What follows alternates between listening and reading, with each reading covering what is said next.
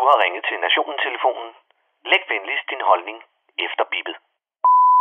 Ja, det er Palle fra Kalmborg. Nå, så er efterårsferien forbi, og samtlige røvhulsramte af møber ruller ud af sengene for at tvinge gabet op på os almindelige og fredelige verdensborgere, for at klemme en dampende tarmbaby ned i svælget på os. Lad os starte i England. Nationen, der gav os Take That, skohornet og pædofile prinser. For i den forgangne uge væltede tårnet i et spil klodsmajor igen i Downing Street, og Thatcher Jam bandet Liz Truss måtte rykke sin benede røv ud af premierministerboligen for at overlade den til den næste i rækken af konservative idioter, der også lige vil prøve at tage britisk økonomi tørrenalt.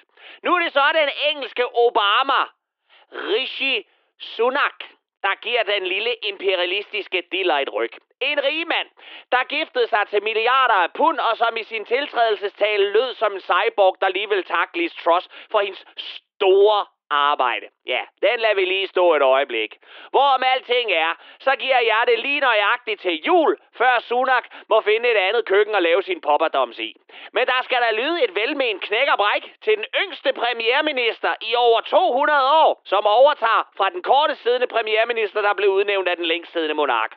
Og så er Sunak jo den første hinduistiske konservative premierminister, selvom jeg må sige, at hindu-konservativ i min verden lyder lige så troværdig som en satanistisk kristendemokrat. Jamen Palle, giv nu manden en chance. Det kan jo være, at det bliver ham, som redder England fra afgrunden. Man ved jo aldrig. Ja, det kan også være, at Søren Pape går frem i meningsmålingerne. Man ved jo aldrig. Og apropos lort under skoen, så er den gal igen på de danske plejehjem. Hvor TV2 endnu en gang har lavet en Blair Witch Project med rystende Lars von Trier håndholdt kameraføring, som har kunnet dokumentere, hvordan de danske skattekroner fortsat ender i den offentlige sektors bundløse hul. Mormor og oldefar ligger i deres eget lort og får ikke deres medicin, eller får for hele ugen på én gang. Deres indtørrede rullepølsemad bliver ikke serveret, og som kronen på værket, så får de lov at dø alene uden plejepersonalet. Og ja, og så selvfølgelig uden den familie, der alligevel aldrig besøger dem, og som afleverede dem på plejehjemmet Auschwitz-Birkenau i første omgang. Men det stopper ikke her. For også den danske psykiatri lider af flere nervøse trækninger end Trine Bremsen med en mikrofon stukket i snorten.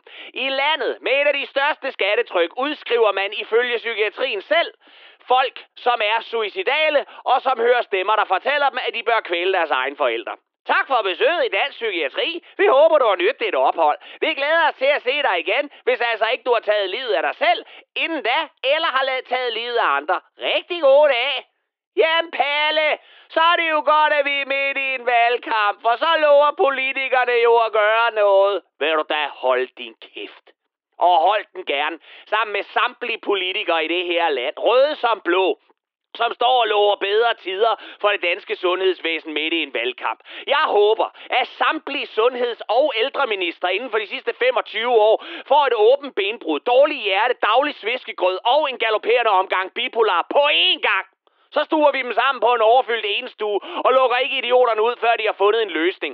For jeg tror, vi er rigtig mange, der vil ønske, at de danske politikere satte lige så effektivt og ihærdigt ind på at få løst problemet på sundhedsområdet, som de gør, når der skal spides brune mennesker ud af landet eller forhandles højere pensioner tillæg til dem selv.